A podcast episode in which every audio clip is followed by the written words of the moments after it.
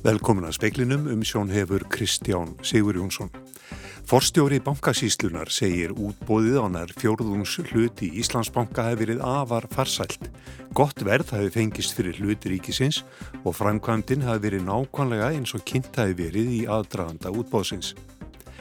Engin ráð þeirra óskaði eftir að færa til bókar gaggrinni á fyrirkomulæði við sölu á hlutabriðum ríkisins í Íslandsbanka áður en salan fór fram. Þetta segir forsætisráð þeirra. Kostningabaráta Emanuels Macrons, fraklandsforsetta fyrir endur kjöri er hafinn af krafti. Hlutabrið af vísitölur hækkuðu og gengi efrunar styrtist þegar staðfest var að hann hefði fengið flest atkvæði fyrru umferð forsettakostningana í gerð. Úrskurðanend umhverfis og auðlindamála hefur felt úr gildi framkvæmda leifi bæjarstjórnar Kópavóks fyrir breykun á Suðurlandsvegi. Framkvæmdir hafa verið stöðar og Lundin er komin til Borgafjörðar eistra. Verðið sem fjækst fyrir hlut ríkisins í Íslandsbanka var herra en menn byggust við í upphafi ferilsins, segir forstjóri bankasíslu ríkisins. Þrátt fyrir að mikil gaggrinni hafi beinstað útbóði á 22,5% af hluti ríkisins í Íslandsbanka segir Jón Gunnar Jónsson, forstjóri bankasíslu ríkisins, að vel hafi tekist til. Hann telur að þegar öll kurl eru komin til gravar muni fólk bera tröst til framkvæmdarinnar. Við byggumst ekki við því að selja svona mikið magna á svona háa verði þegar við fyrst reyðumst í útbóði. Jón Gunnar segir bankasíslun og ráðgjafa hennar hafa verið með öfluga markaðsetningu sem hafi tryggt að verð á Íslandsbanka og fleiri félögum hafi haldið stöðugt og jafnvel hækkað eftir útbóð. Hann segir það aldrei hafa staðið til að fá aðeins einn fáa kjölferstu fjárfesta og átt að sig á því hvernig svo umræði sig til komin. Ég veit það ekki, eh, ef þú kynir minninsbláð bankasíslu ríkisins frá 20. janúar sem fylgdi til okkur til ráðara, þá kemur hverki fram að við ætlum að sækja örfá kjálfærstjófrösta kemur hverki fram kemur hverki fram í kynningu okkar fyrir efnáðs viðskiptanemnd eða fjárlaganemnd Jón Gunnar segir framkvæmt útbóðsins nákvæmlega eins og útlistað var í minnisblæðinu. Þetta sé algeng aðferð við engavæðingum. Hann segir að tímasetning útbóðsins hafi komið fólki óvart en það hafi verið stemt að því. Þannig hafi átt að komið veg fyrir verðlækun í aðdraganda útbóðsins. Það kemur fram í ákvörðin á þeirra um að ef eru umfram eftirspöld og þá er skerða frekar meira hlut skamtíma fjárfesta heldur en langtíma fjárfesta og við sögðum rákjum okkar, okkar þetta og síðan byrjum við þá að útfæra útluturna í saman við ákvarðanir á þeirra og sagt, eh, reynum þannig að tryggja það að skamtíma fjárfestar séu skortnir meira heldur en þessi við myndum kalla langtíma fjárfestar. Stærf fjárfestana skipti þá ekki öllu máli. Brynjólfur Þór Guðmundsson tók þennan pistil saman. Katrín Jakobsdóttir, forsætis ráþera, segir að engin ráþera hafi óska eftir að færa til bókar gaggrinni á fyrirkomulæði við sölu á hlutabriðum ríkisins í Íslandsbanka áður en salan fór fram. Lilja Alfredsdóttir, viðskiptar á þeirra og varaformaður framsóknarflokksins, sagði í samtali við Morgumbladið að hún hefði komið þeim sjónarmiðum skýrt á framfæri í aðdraganda útbóðsins að hún væri ekki hlind þeirri sölu aðferð sem var notuð. Ekki kom fram á hvaða vettvangi þeim sjónarmiðum var komið á framfæri eða með hvaða hætti. Lilja gaf ekki kosta á viðtali vegna málsins. Katrín Jakobsdóttir segir í skriflegu svari til fréttastofu að ráþærar ríkistjórnarinnar hafi við umræður líst skoðun sinni á fyrirkomleginu en engin ráþæra hafi óskað eftir að færa neitt til bókar. Kvorki þegar málið var rætt í ríkistjórn nýja ráþæra nefnd um efnahagsmál. Í ráþræðanemdini eiga sæti þau Katrín, Bjarni Benediktsson fjármálaráþra og Lilja Alfredsdóttir. Lilja sagði ennfremur að miðað við aðstæður og umræðina tæli hún rétt að hæja á engaveðingunni. Það sé líka alveg ljóst að landsbankin skulle vera áfram í eigu þjóðarinnar. Katrín segir að aldrei hafi staðið til að selja landsbankan og það hafi leiðið fyrir frá því að ríkistjórnin var mynduð í fyrra sinn. Þá segir Katrín eðlulegt að geima allar frekari hugmyndur um sölu á hlutum í Íslandsbanka. Alma Ómarsdóttir sæði frá. Einvíi Emanuels Macrons og Marine Le Pen um forsetaembætti í Fraklandi er hafið. Staðfest var í dag að þau hefðu fengið flest að hvaði í fyrri umferð forsetakostningana í gær. Þau börðust einni um það fyrir fimm árum og þá sigraði Macron með yfirburðum. Skoðanakannir sína mjóra verður á mununum í ár. Talningu atkvæða eftir fyrir umferð kostningana í gæri laukum hádegi spil. Macron hlautu 27,85% atkvæða, Le Pen 23,15%. Jean-Luc Mélenchon, uh, sá frambjóðandi sem er lengst til vinstri í frönskum stjórnmálum, kom á hæla hennar með tæplega 22% fylgi. Hlutabreyfavísitalan í kaupöllin í París hækkaði við þessi tíðindi og gengi efrunar styrtist. Macron beitti sér líti aðdraganda fyrir umferðar fórsetakostningana. Hann ætlar greinilega að taka sig á fyrir síðari umferðina 24. apríl. Hann endi í dag til kostningafundar í bænum Duna í norður hluta Fraklands þar sem hann endaði raunar í þriðjasæti í gær og eftir Le Pen og Mélenchon. Hann hvaðst vera komin til að kynna stefnumál sín en jáfnframt til að hlusta. Sér væri ljóst að hann væri umdeldur og því mætti engin tími fara til spillis næstu vikur. Kjósendur og vinstri vang franskra stjórnmála eru afarga grínir á efnahagstefnu Macrons. Mélansjón skoraði í gerkvöld á stuðningsmenn sína að greiða Le Pen ekki atkvæði í síðari umferðinni. Hann nefndi ekki hvort er ætti að styðja Macron. Kostningabaróta Le Pen hefst síðar í þessari viku með fundarhöldum á landsbyggðinni. Ásker Tómasson saði frá. Nánar verður fjallað um fórsetakostningarnar í Fraklandi síðar í speklinum. Sergei Lavrov, utanrikisar á þeirra Rúslands, segir að rúsneski herin muni ekki gera hlið á árásum sínum í aðdraganda næstu lótu fríðarviðræðina við Ukrænumenn. Í samtali við fjölmiðlin Rússia 24 segir hann þó enn stemt að því að setjast niður og að ræða málinn. Þar er haft eftir Lavrov að Vladimir Putin, fórsettir Rúslands, hafi oft sinni sagt að rússar vilji helst leysa málinn við samningaborðið. Hann saði enn fremur að það sem hann kallar sértæka hernaðar aðger rússa í Ukrænu sé til þess gerð að brjóta á bakaftur á form bandaríkjamanna um heims yfiráð. Framkvæmdir við breykun á Suðurlandsvegi hafi verið stöðvar og leifi fyrir framkvæmdónum felt úr gildi. Úrskurða nefndu um hverfis og auðlindamála komst að þeirri niðurstöð fyrir helgi að ágallar hafi verið á máls með ferði veitingu leifisins. Framkvæmdir hófust í desember. Tilstóð að tvöfaldar hringvegin frá núverandi tvöfaldun á Fossvöllum vestur fyrir Lögbergs brekku, auk þess að framlengja ofanvassaræsi og koma fyrir undirgöngum fyrir ríðandi umferð. Úrskurðarnemnd umhverfis og auðlinda mála hefur nú felt úr gildi ákverðun bæjarstjórnar Kópósbæjar frá því oktober um að samþykja umsókn um framkvæmdaleifi fyrir verkinu. Framkvæmdanar höfðu þegar verið stöðvaðar í nær 6 vikur vegna veðurs en þær voru ný hafnar á ný þegar framkvæmdaleifið var afturkallað. Málið er nú á borðum Kópósbæjar en skoðað er hvernig meira áður bóta á þeim ágöllum sem urðu við veitingu leifisins. Áhætluð verklók voru í júli en nú er óljóst hvað verður. Pétur Magnússon saði frá. Landhelgiskæslan og bandarískar hersveitir tóku í dag þátti í sameinleiri varnaræfingu í Kvalfyrði sem er hluti af æfingunni Norður Vikingur 2022. Áslaug Arna Sigurbjörnsdóttir starfandi utaríkisráþara segir miklu skipta að æfa varnir til að tryggja öryggi Íslands og bandalagsríkja við íslenskar aðstæður. Við treystum auðvitað á varnir bandalagsríkja okkar fyrir öryggi landsins og þessi æfing uh, sýnir auðvitað mikilvægi samstarfs þessara landa og hvað við getum lagt að mörgum og við auðvitað fylgjumst vel með stöðumála og metum það uh, í hversin. Ert þú þeirra skoðunar að það ætti að aðtuga það að herstuð verði hér á nýjanleik? Við viljum alltaf hafa viðbúnað sem allra bestan og við þurfum auðvitað bara að fylgjast með þróun mála en treystum mikið á þessar bandalagsstjóðir fyrir öryggi okkar Íslandinga. Þannig að það er mikilvægt að meta það hverju sinni. En, en ekki útiloka? Nei. Georg Lárusson, forstjóri landhelgiskeslunar, segir æfinguna mjög mikilvæga. Við fáum að æfa með, með kollegum, eins og maður segja, sem eru nú reyndar með meiri reynslu og, og hérna, meiri græður heldur en við. En eh, jafnland fáum við eh, staðfyrsting á því að við erum að gera rétt. Við kunnum okkar fag sem er að eiga við vondu veður og, og stóra röldur og uh, þóku og uh, við kunnum líka klæð okkur. Það er mikið mál sem að, sem að bandarækjum sem hér eru er, er að taka til skoðunar hvernig þeir eru að vera búinir hérna upp í norðurínu. Þannig að þið hefði kent þeim að klæða sig upp á íslenska máta? Já, já við, við erum svona að vona það að þeir, þeim er ekki svona kallt næstir að koma. Sagði Georg Lárusson, Ólöf Rún skóladóttir rætti við hann og áslögu Örnu Sigurbjörnsdóttur. Lundin kom í hundraðatali að Hafnarholma og borgarfyrði Eistra í gerkvöld. Hann gæti því sest upp í kvöld og vali sér dvalarstað fyrir sumarið. Lundin hefur mikið aðdráttarafl á borgarfyrði en í Hafnarholma eru sérlega góðar aðstæður til fugglaskoðunar. Lundin verður búðin velkomin með formlegum hætti á sumardaginn fyrsta að síð borgfyrðinga.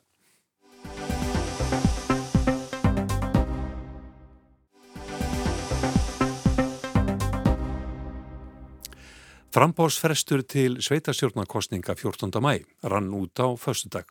11 frambóð bjóða fram í Reykjavík, 9 á Akureyri og 9 í Kópói, svo dæmi síðu tekin. Í Reykjavík hefur frambóðum fækkaðum 5 frá síðustu kostningum.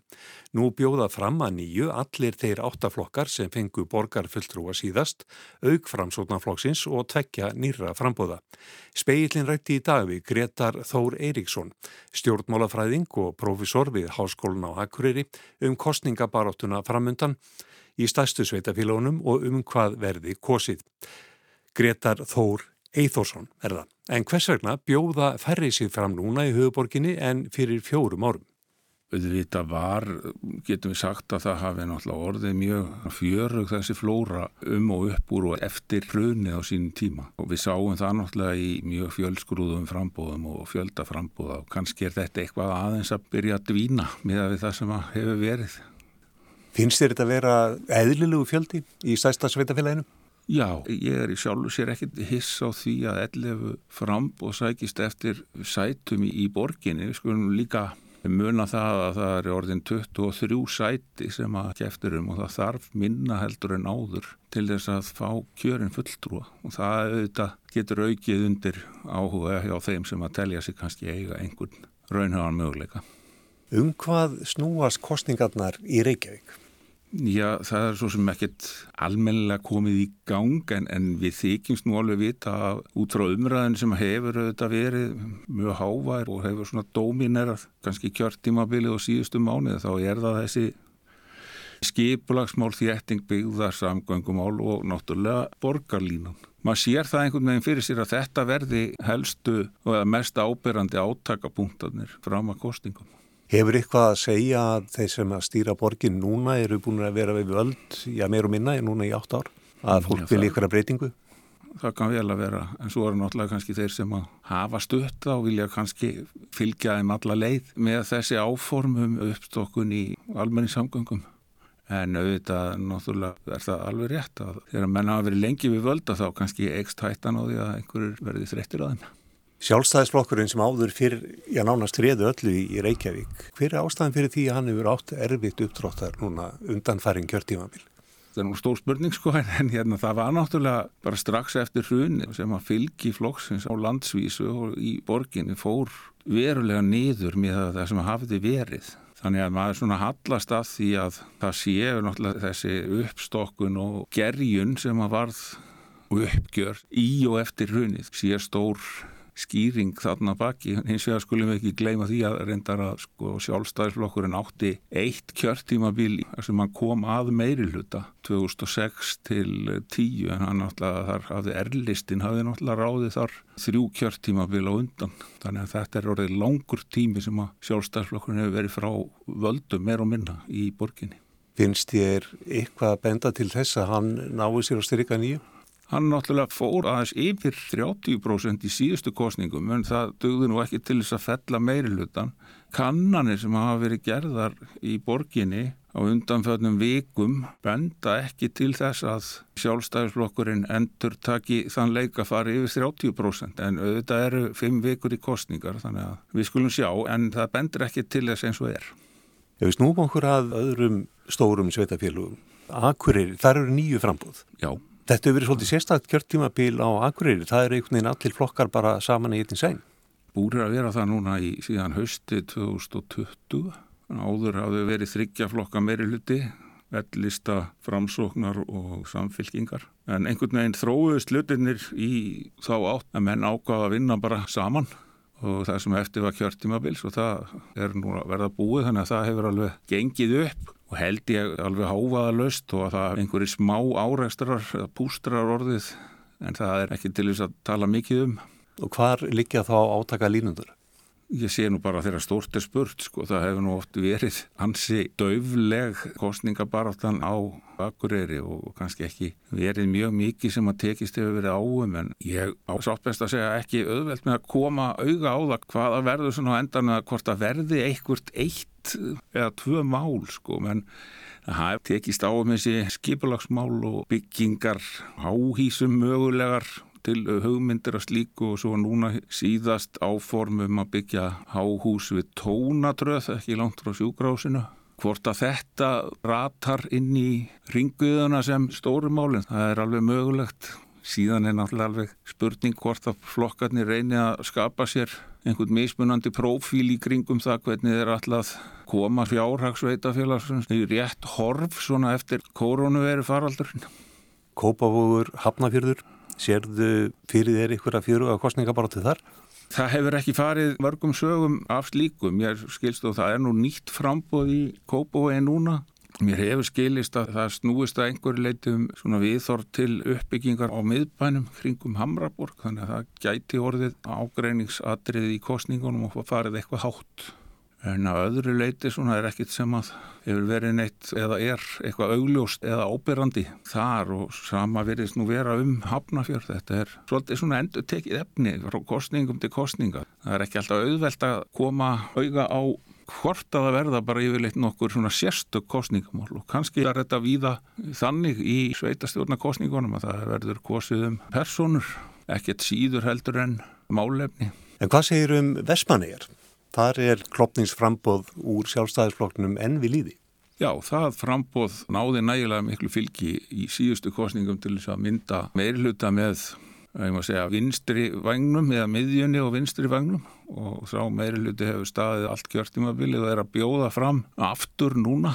Núna með Páli Magnúsinni, gamlum þingmanni í fyrsta sæti sem er auðvitað vekur aðtigli en klopningurinn stendur enn þannig að það er alveg svona fréttin þaðan og það er kannski spurning sko ná sjálfstæðismenn vopnum sínum aftur? Þetta hefur nú verið stert við þeirra vestmannjar Mál sem að kannski kom ekki beint sveitastjórnar málunum við, geta þau haft áhrif á úsleitt kostninga, bara óheppileg ummæli, flokksfóringja, sala á hlutabriðum Íslandsbanka, geta þessi mál haft áhrif á kostningahöðun?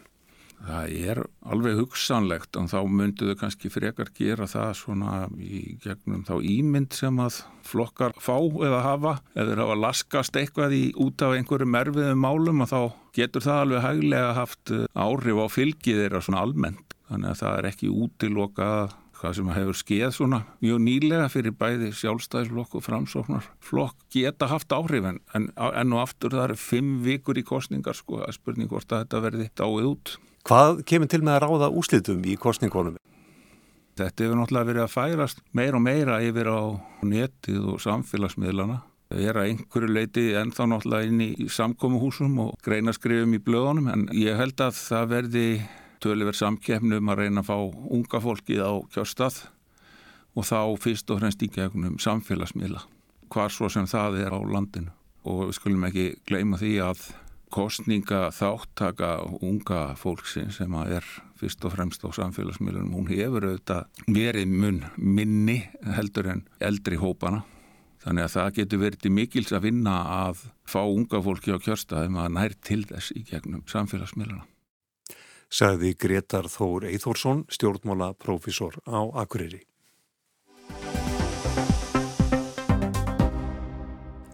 Emmanuel Macron, Fraklandsforseti og Marine Le Pen, leðtogi þjóðar bandalagsins, skiptu með sér rétt rúmum helmingi atkvæða í fyrri umferð fórsetakostninga í landinum helgina. Macron fekk um 28% atkvæða og Le Pen 23%. Í þriðja sæti var Jean-Luc Mélenchon sem er frambjóðandi vinstri manna með um 22% atkvæða. Mélenchon hefur skorað á kjósendur sína að kjósa ekki Le Pen í setni umferðinni þó að ekki hafa hann líst stuðningi við Macron. Atkvæði þeirra sem kusu Mélenchon gætu skipt öllu þegar kosi verður eftir tværi vikur millir Macrons og Le Pen. Fyrir fimm árum var líka kosið millir þeirra í setni umferð fórstakostingana. Þá fekk Macron 66% og Le Pen 34%. Freyr Ejjólfsson bjó í Fraklandi um nokkur ára skeið og er áhuga maður um frönsk stjórnmál. Nú eru frakkar að vakna með þann veruleika að öfga hægrið á mun meiri möguleika en það hefur nokkur til mann haft. Það kom mörgum í opna skjöldu þegar hérna, Le Pen, pappi, uh, Marine Le Pen, komst í setnum fyrir 2002 og hérna háði barótu við Jacques Chirac mörgum mjög brugði þá en hann náttúrulega komst inn mjög óvænt í setnu umferðina vegna sundrungar vinstrimanna. Þá fóru allir sósélastar og kusu Jacques Chirac bara með óbræði munnisum hann var ekki mjög vinsall með að sósélastar en til að kjósa Lupen gamla frá. Sama var upp á tegningum síðast. Það kemur náttúrulega Macron þessi óvænti prins skýtur upp kollinum og mjög mikil og óvænt og óvennileg seguganga. Hann reynir brítur upp hefðbundna pólitíska landslag og, og hérna og svona hinn er hefðbundu flokkar bara einhvern veginn falli í, í skuggan á honum. En, en, en svona hefðbundur hærimenn og, og sósélistar kusan þá fyrir fimm árum en núna hefur bara ímislegt uh, gerst, það er ennþá breytast og, og, og nú segja menn að, að svona öfgahærið með, með Le Pen í, í fórustu að hérna líkunar hafa aldrei verið meiri. En, en, en flestar auðvitað svona skoðanakannir undanfanda viku benda til þess að Makrón endir sem sigurveri en, en það er ekkit víst. Á sömuleitið þetta horfa með kannski fimm ára aftur í tíman til kostningarna síðast þegar þau mættust á líka tvö og þá munaði sko í raun og veru þau voru svona svipuð útkoma á þeim í fyrrumferðinni bæði fenguði aðeins minna þá heldur en fá núna en svo munar alveg um helming á þeim í setnumferðin þannig að þá fær Makrón mjög afgerandi kostningu Er það, það er ekkit endilega víst að svo verði núna? Nei, en við verðum náttúrulega að hafa í huga þetta tvöfaldar kostningakerfi. Það er alltaf fyrri umferð og það voru mjög margir í frambóði núna og, og svo eru sínda skoðanakannir og, og til dæmis þessir hefðbundu flokkar hérna, hinn hefðbundu hægri flokkur sem heitur hann republikanar og, og síðan er bara sósélasta flokkurinn sem jafnan hefur verið eða stærsti flokkur. Þeir fá bara já, um 7% samtals. Það er bara algjört afróð og það kemur snem í ljós í kostningabarnina að þeir eru ekki að fara að gera neitt og þá fara menn og þá fara fólk að halla sér eitthvað annað og og kjósa líklega sigvar. En þetta tvöfaldakerfi, þetta tvöfaldakostningakerfi, það er svona, það bringlar þetta svolítið. Jú, menn reyna yfirlega að kjósa fyrst það sem þeir vilja, en, en í setni einfjörð reynar að, að kjósa það sem þeir vilja ekki. Gengilu penni fyrirumferðinni kom frey nokkuð óvart. Ég átti hún ekkert endala að vona þessu. Hún náttúrulega hefur verið tengdaldu við Rúsland, fór að hitti mér þess að Putin fyrir fimm árum í síðustu kostningambarótu og, og rússar voru lengt að ljósta stiði hana og, og blönduðu sér inn í kostningabarátuna með alls konar rekkjum og, og brellum. Og hún hefur svona tengst Rúslandi og Pútín og tala gegn Európa-sambandinu síðan kemur Úkrænu, innrásin í Úkrænu og, hérna allar fósendur breytast og Makrón hefur stíð þar fram mjög svona göfumannlega og þótt mjög sterkur og er núna svona rinni talsmaður Evropasambandsins, áður var það Angela Merkel og núna kemur hann sem er svona sterkur og blöðu leittói meðan sko fólk var að byrta myndir af Marine Le Pen og Putin í kostningabartin, þannig ég átti svona jafnvel svona prívat og persónlega vonaði að Mélenchon hefði komist á og það munar alveg örfa um atkvæðum að það hefði geta gerst. Hefur hann vald á atkvæðum síns fólks? Hvernig mun hann ráðst á þið? Já, hann er svona hinn svarti Pétur, ég hef ekki að segja það, í, í, í, þessum, í þessu spili. Hann listi því yfir í gær að fólk mætti alls ekki kjósa Marine Le Pen. Hins vegar er það svo, og skoðanakannir sína, að hann er náttúrulega, Mélagsjón er svona róttakur vinsturmaður, svo seglasti, og margt af hans stunisfólki er svona, það sem eru eftir skilgrend öfga vinstri. Skoðanakannir sína, það fólk margt uh, vil frekar kjósa Marine Le Pen, heldur Macron, bara vinst, vinstra fólk er orðið mjög þreytt og leitt út í Emmanuel Macron sko. En það sést líka í þessu að Mélansson fær sér ekki til að hvetja stuðningsmennina til að kjósa Macron.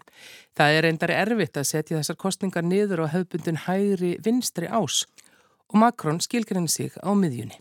Hann náttúrulega á ættir að reykja til sósælaflokksins, klífur sér þaðan og, og stopna bara svona miðjuflokk, það segir, eh, almenningur í landinu og sérstaklega vinstirfólk segir hann sé bara einfallega hægri maður.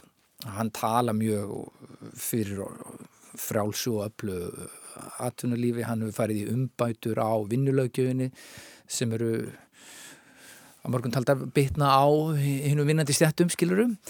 Þetta er frekar þá Makrón sem tala fyrir Evrópasambandinu, uh, frálslindi og síðan þetta með Löpön sem er bara talar gegn Európa-sambandinu og þjóðutnistefna og, og íhaldsemi og fleira slikt. Sko, það er ekkert endilega þetta skilgjana hana sem hægri manneski því hún talar ekkert endilega fyrir frálsu, frálsu atvinnulífi og markaðan og hún er ofta að tala um meiri miðstýringu og ríkisafskiptum. Undarfarin misseri hafa borist fréttir af ólgu í frönsku samfélagi og ósætti við stjórnmöld og Makrón.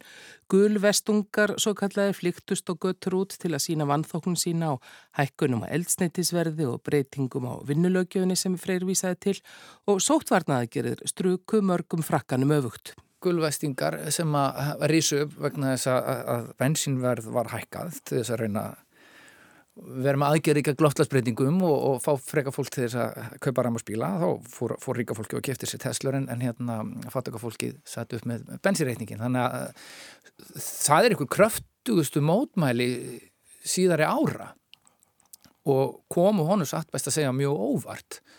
Uh, síðan hefur vinnilögjum verið mjög erfið og núna sérstaklega eins og þú nefndi COVID uh, hann svona þótti gera mistök og menn ekki sátti við að gerður mörg smít og þetta er bara var eins og COVID í öllu löndum kom upp aftur og aftur og aftur og undir loki núna þeim er mjög stranga stefnu og fólk þarf bara að vera með passa eða ætlar að fá ágriðslu og, og, og komast inn á viðbörði og, og bara vera þáttakandi í samfélaginu. Og ég var í Fraklandi núna í síðasta mánuði eða þar síðasta mánuði og maður komst ekkert aðeins einstað en að vera með passan og þetta gerði mjög marga frakka alveg brjálaða.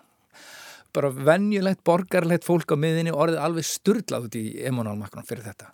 Lengri byðræðir, vesen og leiðindi og, og þetta pyrraði bara mjög, mjög marga. Macron beitti sér mjög lítið í kostningabartunni fyrir umferð.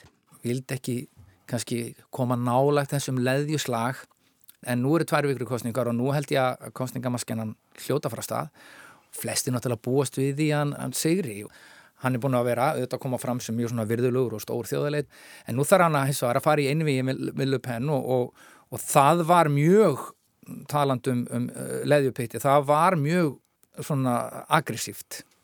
Síðustu sjónvaskapraðarnar þá fór hún mjög svona, kom mjög illa fram í hérna bytni útsendingu brittar hún upp á okkur um kjaftarsögum og, og, og bulli og ruggli og staðrættavaktan í Franklandi hún sko bara taldi legarna bara á, á hverju sekundu skilur en hún hefur komið allt öðruvísi fram núna heldur hún það fyrir fimm hún er miklu miklu hófstiltari hún er ekki með uh, þessa anti-íslam stefnu. Þetta er hún hérna undir niðri en hún, hún hérna svona þeir þunnu hljóði. Sömulegis eftir allt, allt brexit vandræði þá er hún ekki mikið að tala um frexit útgöngu frakka úr Európa-sambandinu, hún er meira bara svona að tala um að allir eiga að hafa nómiðli handana og, og hérna, framfærsla og fleira slíkt, Frakland fyrir alla og, og kannski sversi pínlítið eftir við Donald Trump að svona tala til þeirra sem að henni hefðböndu stjórnmálmenn tala ekki til og, og tala niður elitina og fleira slíkt. Le Pen hefur sótt fylgi til norður Fraklands, til áður blómlegra yðnaðar hér að það sem hefur nignað og líka í söður þar sem anduð og innflytjandum er útbreytt. Macron sem er með yngstu mönnum til að verða fórseti þykir njóta hilli eldri kjósenda en allt skýrist þetta eftir tværi vikur. Eins og Cicero sagði aðeins fýblinn segja til um hvernig kostningan það fara. Saði Freyr Ejjólfsson, Anna Kristín Jónsdóttir talaði við hann. Það var helst í speklinum í kvöld að forstjóri bankasíslunar segir útbóðið á nær fjórðungs hluti í Íslandsbanka hafi verið afar farsælt. Gott verð hafi fengist fyrir hlut ríkisins og framkvæmdin hafi verið nákvæmlega eins og kynnt hafi verið í aðdraðanda útbóðsins. Engin ráð þeirra óskaði eftir að færa til bókar gaggrinni á fyrirkomulegið við sölu á hlutabriðum ríkisins í bankanum áður en Salam fór fram. Þetta segir forsætis ráð þeirra. Kostningabaráta Emanuel Macrons fraklandsforsetta fyrir endurkjöri er hafina krafti, hlutabriða vístölur hækkuðu og gengi efrunar styrtist þegar staðfest var að hann hefði fengið flest aðkvæði í fyrir umferð forsettakostningana í gær. Úrskurðarnend umhverfis og auðlindarmála hefur felt úr gildi framkvæmda leiði bæjastjórnar Kópavóks fyrir brekkun á Suðurlandsvegi. Framkvæmdir hafa verið stöðar. og Lundin er komin til borgarfjörðar Eistra.